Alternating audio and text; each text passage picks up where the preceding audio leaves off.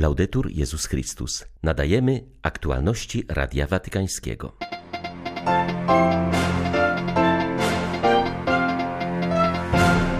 Kardynał Raniero Cantalamessa w pierwszym tegorocznym kazaniu wielkopostnym dla papieża i kurii rzymskiej rozważał wyznanie Jezusa Ja jestem chlebem życia.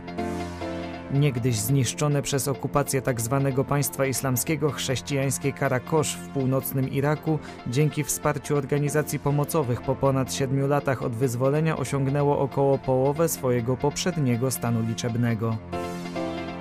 W Wigilię drugiej rocznicy pełnoskalowej inwazji Rosji na Ukrainę arcybiskup Światosław Szewczuk i biskup Witalij Skomarowski dziękują Polakom za hojne serce okazane napadniętemu narodowi. 23 lutego wita Państwa ksiądz Tomasz Matyka. Zapraszam na serwis informacyjny. Jezus jest chlebem życia wiecznego nie tylko ze względu na to, co daje, ale także i przede wszystkim ze względu na to, kim jest – Słowo i sakrament pozostają tylko środkami, życie nim i w nim stanowi cel, wskazał kardynał Raniero Cantalamessa w pierwszym kazaniu wielkopostnym dla papieża i kurii rzymskiej.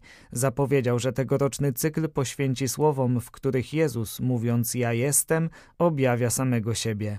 Dziś papieski kaznodzieja skupił się na wyznaniu ja jestem chlebem życia. Ci domandiamo E Zadajemy sobie pytanie, jak i gdzie ten chleb życia jest spożywany. Odpowiedź ojców Kościoła brzmi w dwóch miejscach lub na dwa sposoby: w sakramencie i w słowie, to znaczy w Eucharystii i w Piśmie Świętym. Istniały to prawda różne akcenty. Niektórzy jak Orygenes, a wśród łacinników Ambroży, kładli większy nacisk na Słowo Boże. Inni jak Cyryl Aleksandryjski podkreślają interpretację eucharystyczną. Żaden z nich nie zamierzał jednak mówić o jednym tylko sposobie, wykluczając drugi. Mówią o Słowie i Eucharystii, jako o dwóch stołach zastawionych przez Chrystusa. Papieski kaznodzieja zaznaczył, że trzeba też pamiętać, w jaki sposób Jezus stał się chlebem życia. To oczywiście przywodzi na myśl mękę i śmierć Pana Jezusa, a także przypowieść o ziarnie, które musi obumrzeć, aby wydać plon obfity. Obraz ten mówi nam nie tylko o losie samego Jezusa, ale każdego z jego uczniów. Dobrze to zrozumiał Ignacy Antiocheński, który przygotowując się na swe męczeństwo, zapowiadał, że zostanie zmielony w zębach dzikich zwierząt. Wspomniał też zarazem, iż z dzikimi zwierzętami spotykał się już wcześniej w swym najbliższym otoczeniu. Każdy z nas ma w swoim otoczeniu zęby dzikich zwierząt, które go miażdżą. Często powtarzana maksyma w naszych wspólnotach zakonnych mówi: Życie we wspólnocie jest największym umartwieniem. Nie tylko największym, ale także najbardziej pożytecznym i dającym większe zasługi niż wiele innych umartwień, które sami wybieramy. Ta maksyma odnosi się nie tylko do tych, którzy żyją we wspólnotach zakonnych, ale w każdej ludzkiej społeczności. W sposób najbardziej wymagający jest ona moim zdaniem realizowana w małżeństwie. I trzeba być pełnym podziwu dla małżeństwa trwającego wiernie aż do śmierci. Poświęcić całe życie, dzień i noc, aby pogodzić się z wolą, charakterem, wrażliwością i grymasami drugiej osoby, zwłaszcza w społeczeństwie takim jak nasze, jest czymś wielkim. Jeśli jest to przeżywane w duchu wiary, powinno już być uznawane za cnotę heroiczną. La qualifica di virtù eroica. Nasz dom był kompletnie zniszczony. Znaleźliśmy rozwalone drzwi i meble. Wspomina Aziz, mieszkaniec Karakoszu w Iraku, moment swojego powrotu po wyzwoleniu jego rodzimej ziemi spod okupacji tzw. Tak państwa islamskiego. W tej miejscowości, największej miejscowości o chrześcijańskiej większości w całym kraju, przedtem żyło ponad 50 tysięcy osób. Obecnie dzięki wysiłkowi odbudowy Karakosz wróciło do około połowy swojego ówczesnego stanu liczebnego.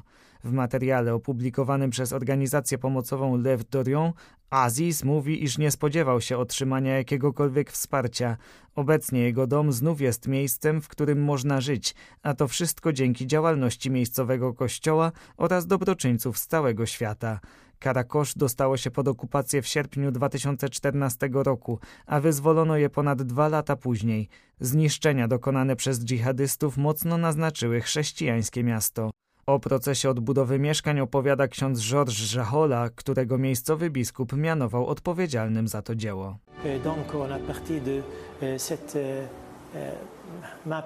Zaczęliśmy od spojrzenia na mapę Karakoszu. Podzieliliśmy miejscowość na strefy. Każdą z tych zon powiązaliśmy z jakąś organizacją pomocową.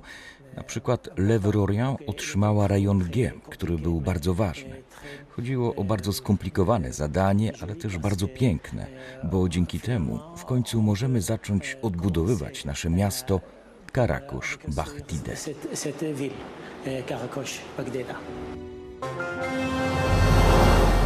Anglikański kościół zarówno na Wyspach Brytyjskich, jak i w Szkocji odnotowuje rekordowy spadek wiernych. Od 1987 roku frekwencja na nabożeństwach zmniejszyła się o ponad połowę, a parafie zamykają się w rekordowym tempie.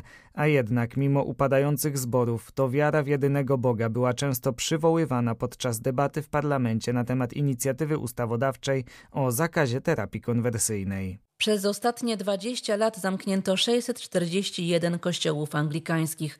Wielebny Marcus Walker z kampanii Save the Parish mówi o spirali zagłady wybranej przez Kościół. W obliczu zapomnienia stoi również Kościół Szkocji, o którym mówi się, że zniknie w przeciągu dwóch pokoleń.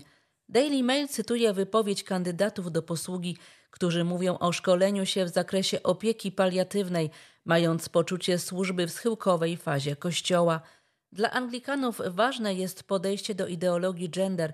Niestety biskupi od kilku lat zalecają obrzęd potwierdzenia wiary chrzcielnej jako centralny element nabożeństwa mającego na celu liturgiczne uznanie zmiany płci. Zgoda na tzw. Tak powtórny chrzest przyczyniła się do licznych wystąpień zarówno duchownych, jak i całych kongregacji. Nie ustają echa niedawnej debaty nad projektem ustawy o zakazie terapii konwersyjnej – który godzi m.in. w swobodę głoszenia Słowa Bożego i prawa wychowawcze rodziców. Dla Radia Watykańskiego Elżbieta Sobolewska-Farbotko, Radio Bobola, Londyn. 22 międzynarodowe organizacje humanitarne nalegają na potrzebę natychmiastowego zawieszenia broni w strefie gazy. Napisały one wspólny list do brytyjskiego premiera Rishiego Sunaka z prośbą o wywarcie presji na Izrael, by zgodził się na przerwanie operacji militarnych. Jedną z tych organizacji stanowi CAFOT, humanitarna instytucja Katolickiej Konferencji Biskupów Anglii i Walii. Zdaniem sygnatariuszy apelu natychmiastowe zawieszenie broni jest niezbędne, aby uniknąć dalszego rozlewu krwi. Tym bardziej, że siły obronne Izraela ogłosiły przygotowania do rozpoczęcia operacji naziemnej w Rafach, na południu strefy gazy, obszarze wyznaczonym jako bezpieczna strefa, w której obecnie uwięzionych jest ponad milion osób. Janet Simes, szefowa Kafut na Azję i Bliski Wschód, powiedziała Radiu Watykańskiemu, iż szczególną troskę budzi los żyjących w strefie gazy dzieci – Podkreśliła, że w związku z panującą tam sytuacją pojawiła się nowa, nieznana dotąd kategoria ofiar ranne dziecko bez ocalałej rodziny. Jest ich bardzo wiele. To coś, co trudno nam sobie wyobrazić. Ale niestety, ze względu na gęstość zaludnienia w strefie gazy, zdarza się, iż całe rodziny czy wiele spokrewnionych rodzin żyje w jednym mieszkaniu. Więc kiedy podczas bombardowań zostaje trafiony budynek mieszkalny, to giną całe rodziny albo zdecydowana większość ich członków. A liczba dzieci, które nie mają ocalałych członków rodziny jest przerażająca, naprawdę przerażająca. Trudno znaleźć słowa, aby o tym mówić.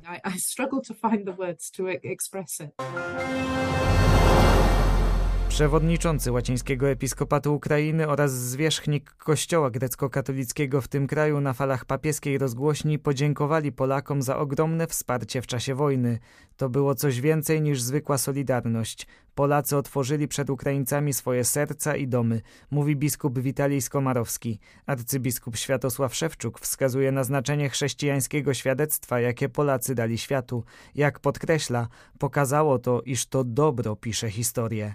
Przewodniczący łacińskiego episkopatu Ukrainy zauważa, że nasi rodacy nie po raz pierwszy wspomogli jego ojczyznę. Kiedyś w ciągu tych 30 lat, kiedy Ukraina zdobyła niepodległość, zawsze mówiliśmy, że Polacy polski naród, Kościół rzymskokatolicki w Polsce, pomógł nam najbardziej, dlatego że to była pomoc też materialna, ale najbardziej Kościół nam pomógł personalnie dlatego że księża, siostry zakonne przyjechali tutaj do nas, kiedy mieliśmy tą potrzebę i udzielili się. To samo wydarzyło się tutaj na początku wojny, kiedy Polacy pomogli nam nie tylko w, sensie materialnym, jak się pomocy i tak dalej, tylko otworzyli swoje doma, a prawie swoje serca dla Ukraińców, dla tych, którzy byli potrzeby. I bardzo to cenimy.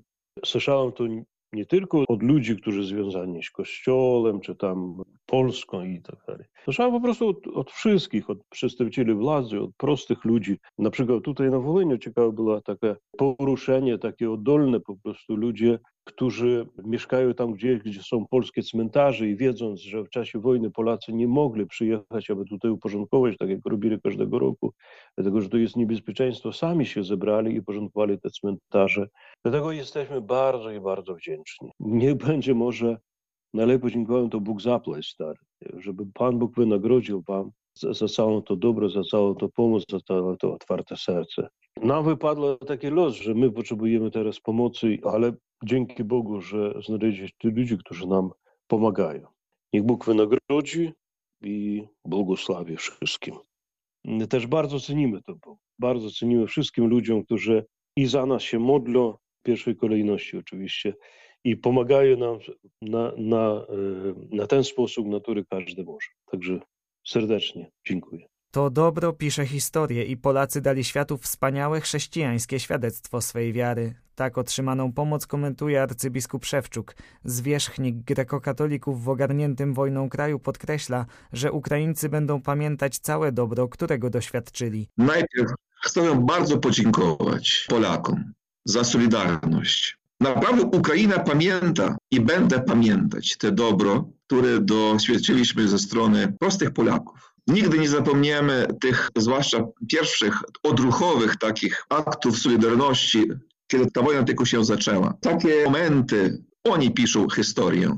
Dobro pisze historię. Jestem bardzo wdzięczny w imieniu całego naszego Kościoła i narodu Ukrainy za te chrześcijańskie świadectwo Solidarności, które Polacy byli zdolni uczynić w tych czasach. Drugie zdanie. Tak, wojna się nie zakończyła tak szybko, jak sobie tego życzyliśmy, ale nie możemy zgodzić się z wojną. Nie możemy zapomnieć o niej. Nie możemy zamknąć się w swojej sferze komfortu i powiedzieć, że no dobrze, to teraz nie jest moje problemy, nie jest nasza wojna, ponieważ wojna w Ukrainie nie jest ukraińską wojną.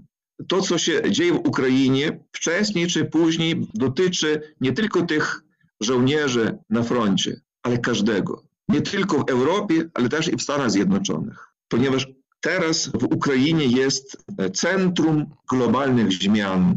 Wcześniej czy później ta fala tego wulkanu, który teraz dewastuje Ukrainę, dojdzie do, do wszystkich granic świata. I trzecie zdanie. Musimy być solidarni. Ja pamiętam kazanie jednego na, naszego księdza, który był księdzem kościoła podziemiu. Był skazany na wielu lat więzienia na Syberii, potem wrócił. I on kiedyś powiedział tak, nie bójcie się wpuścić ból bliźniego do swojego serca. Nie bójcie się, bo ten ból zrobi was ludźmi i chrześcijanami. Niech Polska nie boi się boli Ukrainy, bo razem możemy ją zwyciężyć. Jeżeli naprawdę będziemy empatyczni jedni drugim, to zrobi nas autentycznymi ludźmi i chrześcijanami nowego czasu. Były to aktualności Radia Watykańskiego. Laudetur Jezus Chrystus.